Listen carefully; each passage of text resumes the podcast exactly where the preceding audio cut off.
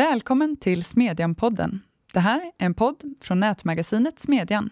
Jag heter Katarina Karkiainen och idag ska vi djupdyka i Frankrike och fransk politik. Och det gör vi med anledning av att det två år innan valet börjar förberedas för kampanj hos de politiska partierna att landets president Emmanuel Macron nyligen presenterade ett lagförslag mot islamistisk separatism och att det såklart i största allmänhet är klokt att följa vad som händer i republiken för den som vill förstå även svensk och europeisk politik. Och därtill en sorgens not. Vi kommer förstås också att beröra det tragiska terrordåd som förra veckan drabbade landet när läraren Samuel Paty mördades, vilket utreds som ett dåd med islamistiska motiv.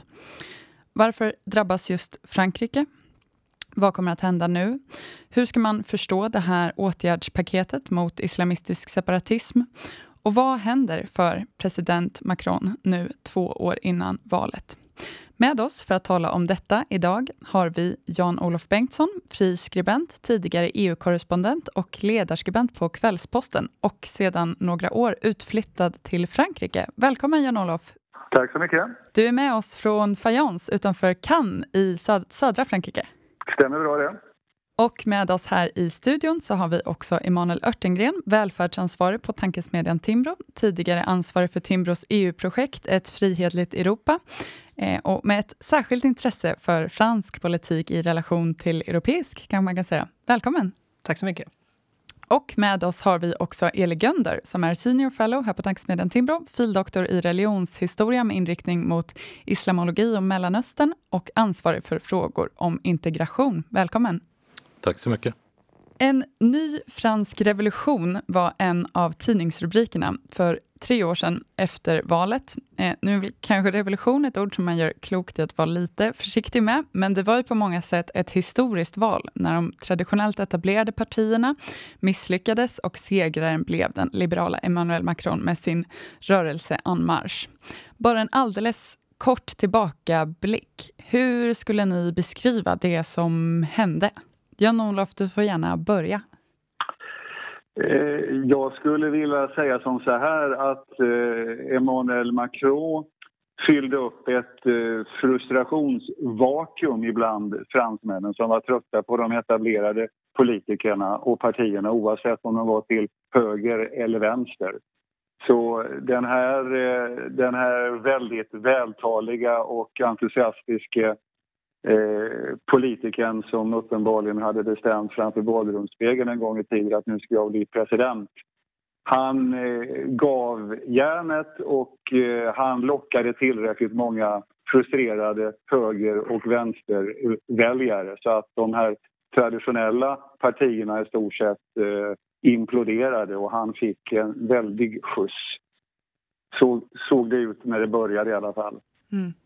Ja, eh, ja men jag skulle kanske nyansera den beskrivningen lite och säga att Emmanuel Macron hade viss tur. Framförallt att eh, kandidaten från det traditionella högerpartiet i Frankrike, Republikanerna, François Fillon, eh, fastnade i en stor skandal där det kom fram att han hade betalat löner till sin eh, fru och dotter, om jag minns rätt, bland annat.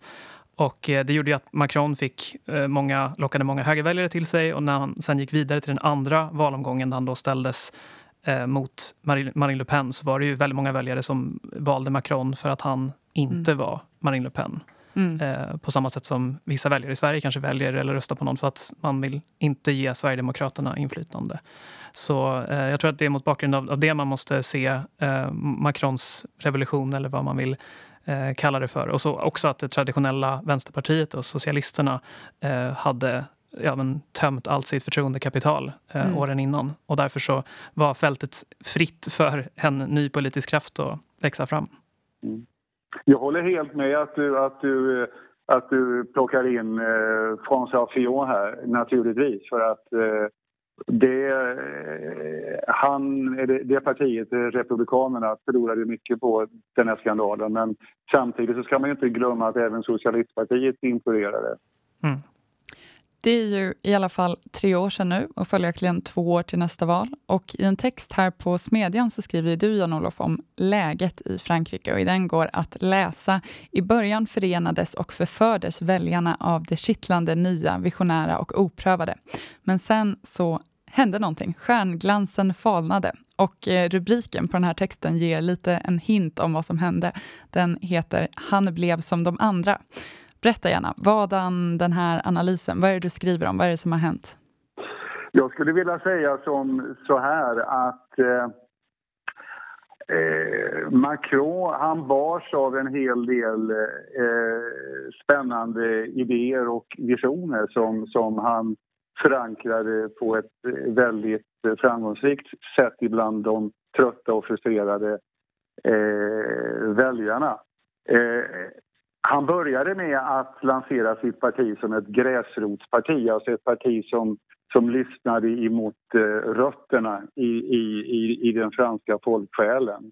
Men eh, ju mera som tiden har gått så är det väl allt fler väljare som tycker att det är inte så mycket, att det här är snarare ett gräsrotsparti som styrs uppifrån. Eh, och sen så kan man ju säga att han sakta men säkert har positionerat sig lite mer åt höger och gjort en del vänsterväljare och en del gröna väljare frustrerade och kanske till och med att de känner sig lite lurade. Eh, för att han inser väl att den enda framkomliga eh, vägen och samtidigt att kunna hålla Jean, eh, eh, Marine Le Pen stången det är att eh, gå åt höger istället för att stå och stampa i mitten. Och det är väl det vi ser konsekvensen av nu, att, att eh, hela hans rörelse genomgår en, jag ska inte säga någon kraftfull högerrörelse, eller högersväng, men det är i alla fall en tendens att eh, han rör sig ifrån den här ursprungliga mitten till något åt höger just för att eh, hålla eh, Marine Le Pen stången och att eh, samtidigt locka väljare från de frustrerade republikanerna. Mm. Så att eh, den här gräsrotsrörelsen som han, han började med håller i många eh, väljare och supportrars ögon på att övergå i någonting eh, eh etablissemangsaktigt som alla andra partier. Så att det här, det här, det här eh, pirrande nya som man stod för, det, det har liksom falnat skulle jag säga. Mm. Och om man ska ge en lägesbild mer av det franska samhället, då, vad är det för problem som presidenten och andra har att tampas med just nu? Det är mycket nu, skriver du i början av din text. Ja, alltså det, det, det, det monumentala det är ju naturligtvis att eh, Frankrike har drabbats väldigt hårt av coronan. Det, det mm. genomsyrar ju varenda fiber i, i samhällskroppen kan man säga. Va? Och, eh, Eh, jag kan, som exempel, jag kan säga att när, när Macron tillträdde så satte han ju igång med att förändra anställningslagarna och sånt där i Frankrike. Och ekonomiska bedömare säger ju att han faktiskt skapade 800 000 nya jobb när arbetsgivare fick lättare att sparka och anställa. Men hela, de här, hela den här eh, massan av 800 000 eh, nya jobb är som bortsopade sen coronasmittan välde fram. Så att eh, på så sätt har han haft en en väldig otur måste jag säga. Att han, det höll på att lyftas inom lite olika sektorer inom den franska ekonomin men eh, nu har allt rullat tillbaka igen och det ser inte särskilt eh, bra ut för stunden. Nej, man kan ju läsa i din text här att den kommande budgeten pekar på ett väldigt stort eh, lånebehov nu om 260 miljarder euro och eh, ekonomer befarar att statsskuldens andel av BNP kommer att hamna på uppåt 125 procent, att jämföra med då Sverige på, på 40 procent. Och franska regeringar har under liksom lång tid ägnat sig åt att skicka in mer offentliga medel i ekonomin, medan exporten har krympt eh, som andel av ekonomin, eller den globala ekonomin. Eh, och Absolut. landet har inte haft en balanserad statsbudget på länge och samtidigt kan man konstatera att det finns en viss uppförsbacke så att säga, även för franska politiker. Jag tänker då på de här eh, protesterna med, med gula västarna och de krav som de har eh, fört fram, som både är liksom sänkta skatter och höjda pensioner och ökade satsningar och mer statligt ägande. Hur ska man liksom som utomstående förstå det här? Och vad har Macron gjort hittills under sitt presidentskap för att, så att säga, försöka få landet att komma på rätt köl? Ja, han, han började ju väldigt, eh, väldigt storslaget med att, att blåsa till eh, strid emot eh, facket och de här helt sanslösa pensionsreglerna som man hade här i landet och som är en relik från ja, efter andra världskriget i princip. Eh, han eh, gick till storms emot eh, just de anställda inom järnvägen och man strejkade där ganska omfattande i, i början men den, det kanske man kan säga att han på ett sätt segrade i för att han, han, det blev alltså en uttröttnings, uh, uttröttningsaktion där han delvis, skulle jag säga, segrade. Men sen så kom ju de här gula västarna och de fick han aldrig kontroll över. Och, och Gula västarna avtog inte för att eh, Macron segrade utan det var väl snarare som så här att Gula västarna också drabbades av det här med coronasmittan och demonstrationsförbud och sådana här saker. Så att eh, på så sätt så eh, har eh, de gula västarnas aktioner som faktiskt verkligen skakade det, det franska samhället och som gjorde även Macron väldigt eh, självande och famlande. På ett sätt så kan man säga att den här coronakrisen eh, gagnade hans position som, som då president och som landsfader. Och all den här ak akuta fackliga eh, protestfronten, den, den klingar av. Den har väl gått in i en slags ide. Mm. Jag är väl ganska övertygad om att den kommer att återuppstå igen men just nu är det ganska lugnt där. För att nu, eh, ja, det, det, har liksom, det har, har Eh, det har, på grund av coronan så är det mycket som ligger nere, mm. om ni förstår. Mm. Vad säger du eh, om eh, läget i samhället, Emanuel? Vad ser du från din horisont? Ja, men man ser ju att det här missnöjet från, från vänster med Macron, det poppar upp i lokala val. Alltså det är många städer nu för tiden som styrs inte minst av det gröna partiet som ju också är väldigt framgångsrikt i Tyskland. Eh, och de gröna har liksom intagit den här positionen som det här progressiva partiet för framförallt eh, storstadsbor. Då. Eh, så de styr ju numera i, i städer som Toulouse och även i, i Lyon och Bordeaux, tror jag. Eh, så så de, de har ju helt klart fått, eh, fått en starkare ställning. Men på nationell nivå så, så har jag ganska svårt att se att Macron inte skulle bli omvald 2022. För som vi hörde tidigare, alternativen de organiserade alternativen till vänster är liksom, eh, ja, men söndersprängda. Och eh, till höger så finns eh, nästan bara Rassemblement National, det som tidigare hette Front National. Eh, och de har också sina interna splittringar just nu där eh, Marine Le Pen eh, försöker få bort sin väldigt ambitiösa systerdotter eh, Marion Maréchal Le Pen. Eh, och det, det, är liksom en strid in, internt i det partiet. Så att trots att Macrons parti om har sina problem så, så står han ändå, eh, och han som person också står ganska, ganska stark. Jag delar helt och hållet din analys där, Emanuel. För att eh, om man tittar på de här opinionsmätningarna vad beträffar Emmanuel Macron så, så ligger han stadigt, eh, inte över men inte heller under 40 procent. Och det är mer än vad våra svenska partiledare popularitet i, bland våra svenska eh, väljare. Eh, hans parti har, det betraktas som ett storstadsparti. Och han har, ju, han har ju i stort sett ingen partiorganisation utanför storstäderna. Eh, å andra sidan, ja, de gjorde dåligt i kommunalvalet men de gick ifrån noll så man har liksom ingenting att jämföra med hur dåligt eller hur bra det var. Men vad Macron retar sig på, det vet jag ju, är ju att han, hans kandidat på grund av interna stridigheter och avhopp etc. Hans kandidat till borgmästarposten i Paris då, som är Frankrikes juvel eh, förlorade ju stort emot eh, socialisten eller socialdemokraten Anne Hildau. Mm. Och det där är någonting som svider i honom. Sen skulle jag också bara vilja säga ytterligare en sak att eh, Macron startade lite stor, storstilat. Han är väldigt imponerad av Charles de Gaulle och menade väl att eh, man måste ha någon typ av landsfader för att styra det här eh, landet och som tar sig då en del extra ordinära eh, rättigheter. Men, men eh, Macron är, var eller är inte de Gaulle. Han är 39 år och, och liksom eh, eh, känslan i, i nationen är ju helt annorlunda idag än det var, på, än den var för, för 50 år sedan. Så på så sätt har Macron fått backa. Han, han sa inledningsvis att han ville vara som en slags Jupiter och eh, helikopterhovra ovanför Frankrike när politiker eh, under honom i parlament och regeringen försökte lösa saker och ting. Men det där har han, det där har han ju fått ångra.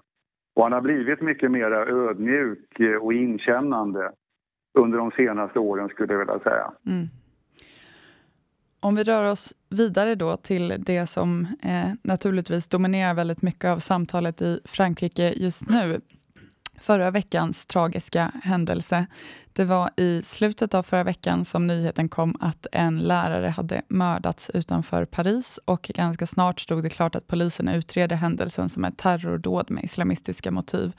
Eh, och bara några dagar eh, innan den här historie och geografiläraren attackerades och mördades nära sin arbetsplats så hade han hållit en lektion om yttrandefrihet med sina elever och bland annat visat en karikatyrbild av profeten Muhammed för att förklara det händelseförlopp som skedde vid terrordådet mot satirtidningen Charlie Hebdo 2015. Eh, och han ska därefter ha mottagit dödshot och några dagar senare då eh, halshuggits i det här dådet. Eh, den misstänkte 18-åriga gärningsmannen sköts till döds under insatsen och polisen har därefter gripit eh, ett ganska stort antal personer. Bland dem finns den misstänktes 17-årige bror, deras föräldrar och en anhörig till en elev som befann sig i det här eh, klassrummet under föreläsningen om yttrandefrihet.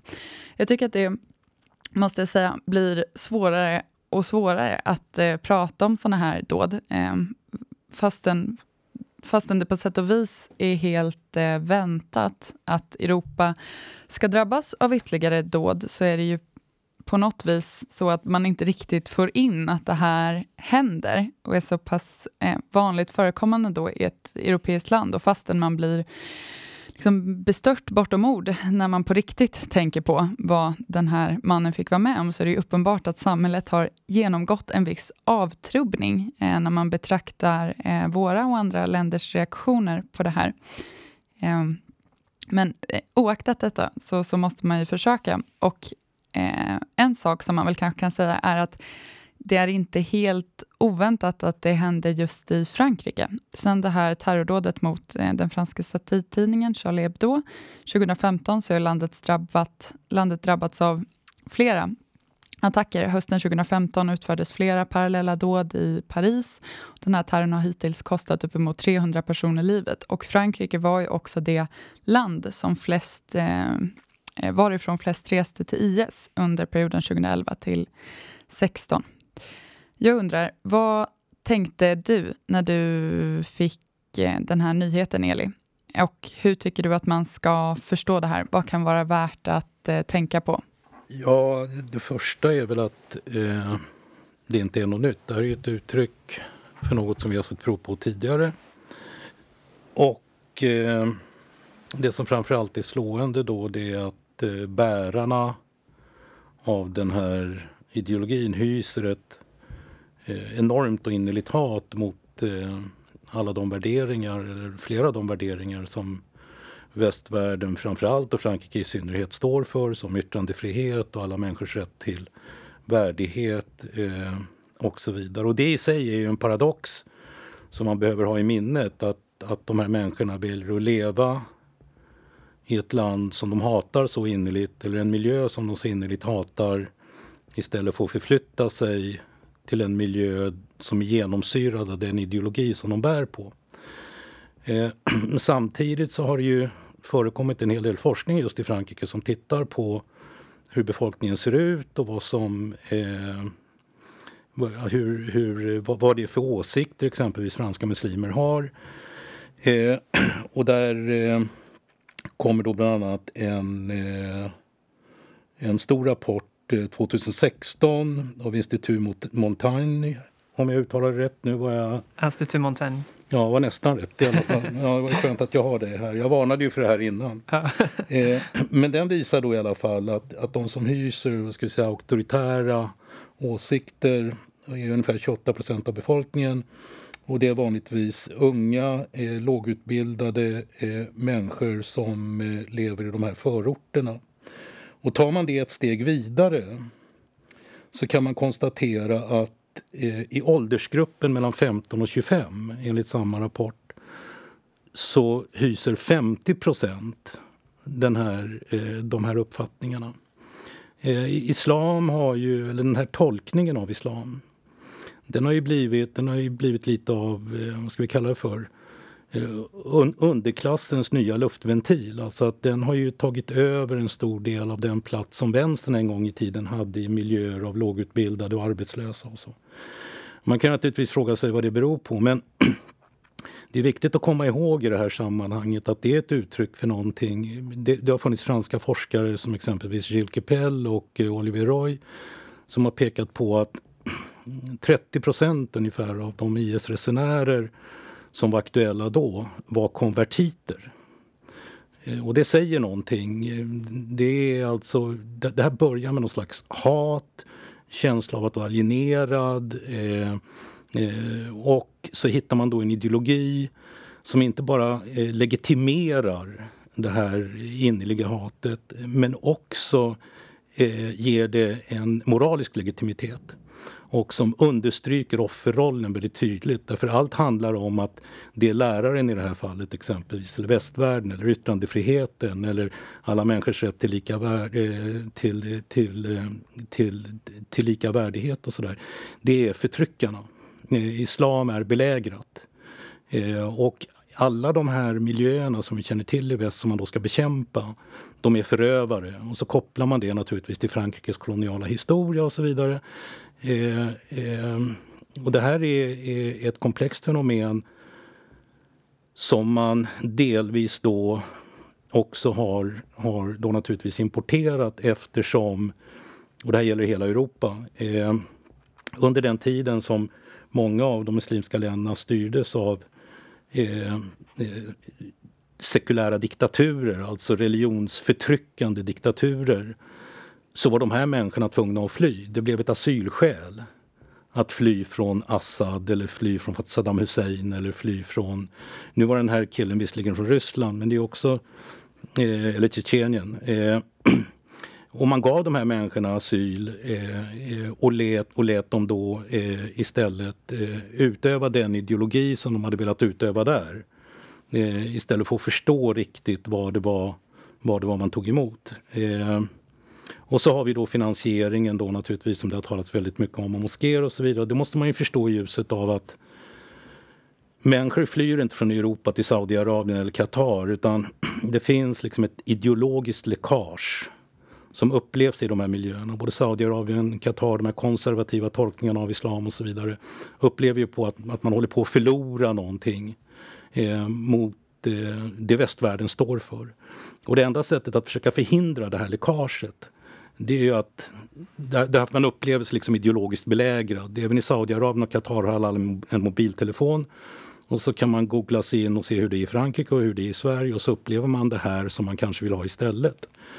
Och deras sätt att medvetet framföra sin ideologi då eh, det är att utnyttja de här miljöerna eh, som man har möjlighet att utnyttja då, finansiera moskéer, få stoppa läckaget, eh, man håller på också på sociala medier, man går in på Instagram och så vidare så kan man hitta en massa sidor som propagerar för olika typer av, av en mer, eh, ska vi säga det, mer, mer konservativt präglad eh, eh, och västfientlig islam. Så att det här är något som, som, som blir intressant att följa för hela Europa. Och jag tror att det att, att åtgärder oavsett hur de ser ut, och det ska vi tala om snart, eh, eh, är helt nödvändiga. Mm. Därför det här är ett jättestort problem.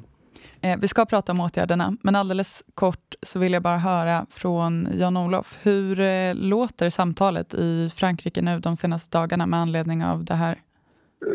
För att förstå det här så, så tror jag att man får ta lite avstånd i i La Cité, alltså den här sekularismen. Alltså att 1905 när, när eh, staten skildes ifrån kyrkan och eh, om, jag har ju upplevt nu de här terrordåden på ort och ställe här under de senaste fem åren. Och om vi tittar på såna här enskilda terrordåd så kan man gå tillbaka till, eh, vad ska vi säga, sommaren 2016 om ni kommer ihåg, en 84-årig katolsk präst eh, blev mördad in i sin kyrka. Man, man skar strupen av honom och det blev ett väldigt ramaskri. Och sen då i mars 2018 så var det en polisöverste som frivilligt eh, bytte ut sig själv emot en gisslan så att gisslan släpptes fri och han blev mördad också. Det blev också en oerhörd uppståndelse.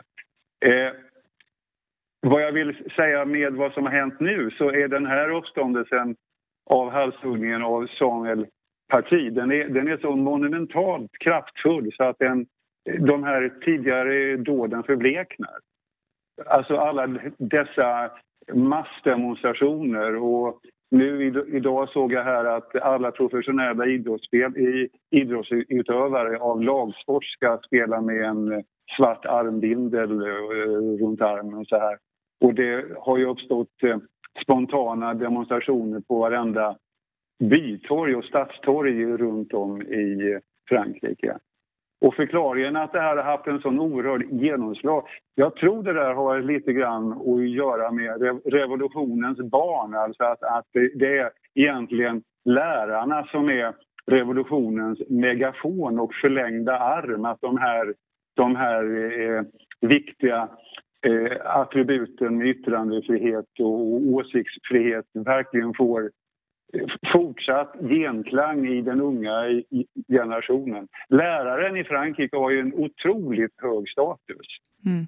Så att eh, jag förstår de, denna, denna monumentala eh, ilska ur folkrötterna. Att, att, att, att spotta på, på lärarna, döda lärare, det är, att, det är att döda kunskap, det är att döda framtid så att säga. Jag vill också bara säga var, som, så att man inte eh, eh, missförstår det här, det här dådet, det här, den här halshuggningen av Samuel Parti. Den eh, genomfördes ju inte i något sånt här utsatt banlieusområde, alltså något förortsområde, utan det här var en liten förort i Paris, ganska början medelklass med radhus och såna här saker. Däremot Förövaren hade ju ingenting med, med den här eh, orten eller skolan att göra överhuvudtaget. Han, han satt ju i en liten by i Normandie och, och blev uppeldad av, av, eh, av vi, vi, ska komma in på det, men blev alltså uppeldad av eh, Twitter-anklagelser eh, eh och Whatsapp-anklagelser och alltsammans. Så sätter sig med en kompis i en bil och kör de här 60 kilometerna in och vet då att den här läraren existerar för att det har stått på Whatsapp. Och, och så händer detta. Men han hade alltså ingen knytning till den här orten eller skolan eller eleverna överhuvudtaget. Mm. Och det är, den stora, det är den stora faran med det här också att eh, om man ser tillbaka till de senaste årens terrordåd så är ju det, det är ensamvargar. Alltså, eh, den franska polisen så att säga eh, håller totalkoll på ungefär 12 000 misstänkta islamister. Men det här är ensamvargar och alla de här killarna har ju hamnat under radarn tills de, tills de slår till. Mm. Nej, det är som du säger, det är någonting alldeles särskilt att en lärare drabbas. Dels därför att de ja, men på många sätt ju är frontfigurer i den här samhälleliga strävan eh, för integration, står för idealen som upplysning och tolerans och mot den här sortens extremism. Men det har ju också väckt en, en, en diskussion i Frankrike eh, bland lärare om hur pass handfallna man har upplevt sig stå och framförallt hur pass ensamma man har varit i den här ja, men, kampen emot den religiösa extremismen i skolorna. Det här är ju alltjämt eh, ett väldigt närvarande problem i Frankrike och har eh, av naturliga skäl stått högt upp på den politiska agendan under eh, flera år. Och tidigare i oktober så presenterade ju president Emmanuel Macron ett åtgärdspaket mot islamistisk separatism. Emanuel, kan inte du berätta lite kort vad som är huvuddragen i det här förslaget? För det ja. tror jag att du vet. Ja, nej, men lite, lite övergripande. Det är ett väldigt omfattande lagpaket som eh, sträcker över många områden. Men några av de viktigaste förslagen är väl att Ehm, för det första, så många moskéer i Frankrike idag är organiserade som, som föreningar och får offentliga bidrag. Och ett förslag är då för att få sådana här bidrag i framtiden så ska eh, de här föreningarna då, som driver moskéerna skriva under kontrakt att de ska följa den franska republikens värderingar och inte propagera mot demokrati och så vidare. Eh, och om de inte eh, lever upp till, till innehållet då i, i de här kontrakten så, så ska staten kunna begära pengarna tillbaka. Och sen så finns det ett annat förslag också som faktiskt påminner lite om ett förslag som eh, Lars Leijonborg presenterade när han var statsråd i Sverige för en, ska säga 15 år sedan eller så. Eh, om att införa ett system för att legitimera imamer som, som praktiserar i Frankrike. Och det fanns då ett liknande förslag i Sverige men som aldrig genomfördes. Eh, och sen så kombineras de här åtgärderna som då ställer, ställer tuffare krav då, framförallt på, på moskéer och eh, muslimska tros, eh, eller ja, religiösa trossamfund, inte bara muslimska, också med eh, förslag om att man ska ge särskilda stöd till småföretagare och kulturaktiviteter i socialt utsatta områden för att främja ett, eh, ja, men ett brett eh, närings och eh, kulturliv där. Mm. Vad tänker du om de här förslagen, Eli? Ja, eh, först så är det så att, eh, att jag instämmer med den här kommentaren att eh, ungefär hälften av eh, Frankrikes muslimer, den rapporten jag nämnde tidigare, så de definierades som den tysta majoriteten. Eh, så det är ju sant. Eh, men jag tror att eh, statlig imamutbildning exempelvis då som man har talat om. Problemet med den är ju att alla de som så att säga allierar sig Eh, med eh, staten. Eh, den, de är i den här ideologin avfällingar och förrädare. Det betyder att det inte är så att med hjälp av statliga imamer så kommer man komma åt den här typen av tankar och idéer. Jag tror att Frankrikes, om jag har förstått det rätt, jag är ingen expert på Frankrike, men jag tror att Frankrikes stora problem kan illustreras med skolsystemet. Att hela laicitet är någon slags dubbla budskap. Man har alltså tre olika skolsystem egentligen i Frankrike. Så man säger en sak och gör något annat. Å ena sidan har man de statliga skolorna där det är som det är. Och där laicité är liksom principiellt fast och det är inga huvudbonader och det är inga religiösa symboler och staten är neutral. Eh, sen har vi i Frankrike ett system som vi kan jämställa med de konfessionella skolorna i Sverige där man eh, får ha några religiösa inslag då men att man ska följa en statens skolplan eller utbildningsplan. Men sen finns det en hel uppsjö av privata skolor i Frankrike som ingen bryr sig om. De och hemskolning också. Och hemskolning mm. och massa sådana där idéer. Så att man å ena sidan har då ett ganska hårt skruvstäd som man bestämmer sig för att i det här skruvstädet ska hela laiciteten in och här ska man följa vissa idéer. Men det man inte riktigt klarar av att pressa in i det här för att man då skulle framstå som en diktatur. Det får liksom sippra ut på sidan och leva sitt eget liv. Eh, och, och, det är ju precis den, den miljön utanför så att säga där de här idéerna kan frodas ganska fritt utan att kommas åt. Jag tror att man att man eh, att man eh, att man måste titta så att säga, åt, åt andra hållet. Därför min uppfattning är fortfarande den, återigen, om man tittar på den forskning som finns, att det börjar någonstans med hatet. Om vi tittar på de här två herrarna som utförde dådet på Charlie Hebdo exempelvis. Jag minns inte om de var bröder eller kusiner, men de var i alla fall besläktade med varandra. De var så att säga nyfrälsta muslimer och hade gått sin religiösa skolning i fängelse. Franska fängelser är idag ett växthus för framtida radikala eh, idéer just med den här typen av uppfattningar. Och det alla är överens om det är att förr eller senare släpps de här människorna ut eh, eftersom de har begränsade fängelsestraff. Vad jag eh, bara vill föra in om det här lagförslaget ifrån Emmanuel Macron är ju att eh, han vill ju totalförbjuda hemskolning i det här förslaget. Mm. Och han vill också öka, han vill också öka eh, eh, språkundervisning i arabiska så att det sker i, i skolan under citationstecken kontrollerade former istället för källarmoskéer och sådana här saker. Alltså jag, jag, jag tror ju... Min, uppfattning är ju den i det här fallet att man måste förstå någonstans måste man förstå att det har kommit människor till Europa eh, som i mötet med Europa har blivit ännu mer stärkta i sin identitet. Det vill säga de är helt enkelt, det finns människor som helt enkelt är oroliga för att deras barn eller deras barnbarn eller deras barns grannar ska syltas in i det här västerländska som de egentligen upplever som ganska omoraliskt och förkastligt.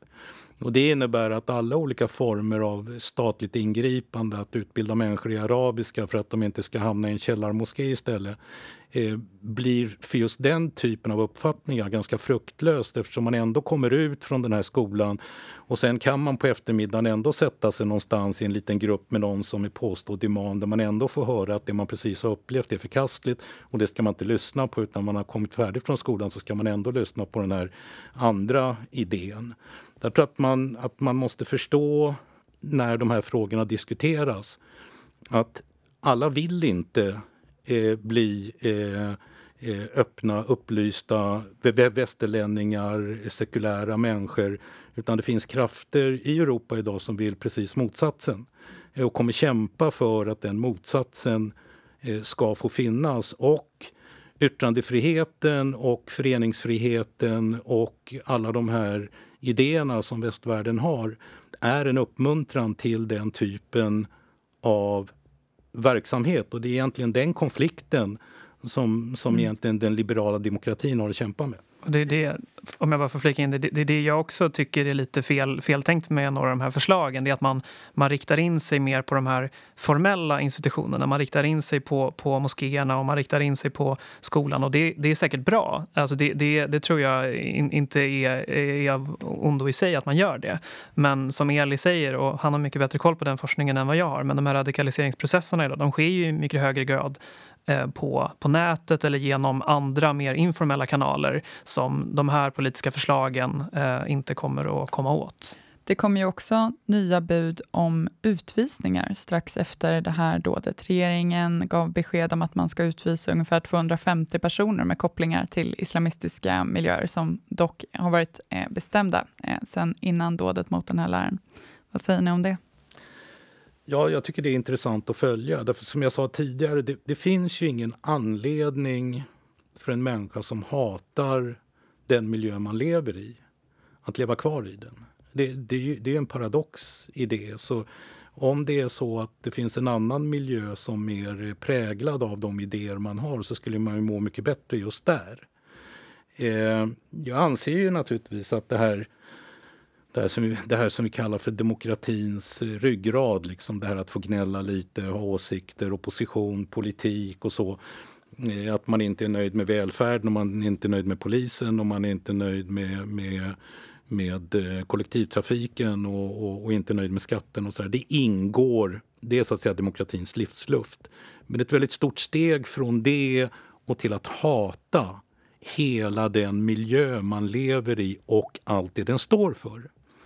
Eh, och egentligen så är det väl då en... en jag, jag tror att, att, eh, att en utvisning kan vara en så stark manifestation eh, att det kan få människor att tänka om. Eh, sen får man ju se hur det här görs, vart människor utvisas, hur man förhåller sig till de här problemen man har att inte utvisa till länder där människor kan fara illa, att man inte får utvisa medborgare och så vidare. och så vidare. Men det finns ingen anledning att låta människor som hotar landets säkerhet och som sitter och funderar på hur man ska mörda landets medborgare och som inte är medborgare i landet, att fortsätta sitta i samma land och kanske till och med få bidrag och, och, och, och fortsätta med den här verksamheten. Det finns liksom ingen... Fortsätter man med det så är det en klar indikation på en, en, en enormt dålig självbevarelsedrift. Det får bli sista ordet för idag. Tack för det här samtalet, Jan-Olof Bengtsson, Eli Gönder och Emanuel Örtengren. Om ni tyckte att det här var intressant, glöm då inte att för ytterligare reflektioner också läsa Jan-Olofs text Han blev som de andra om läget i den franska politiken. Det hittar ni som vanligt på timbro.se smedjan. Vi ses där och hörs igen här om en vecka.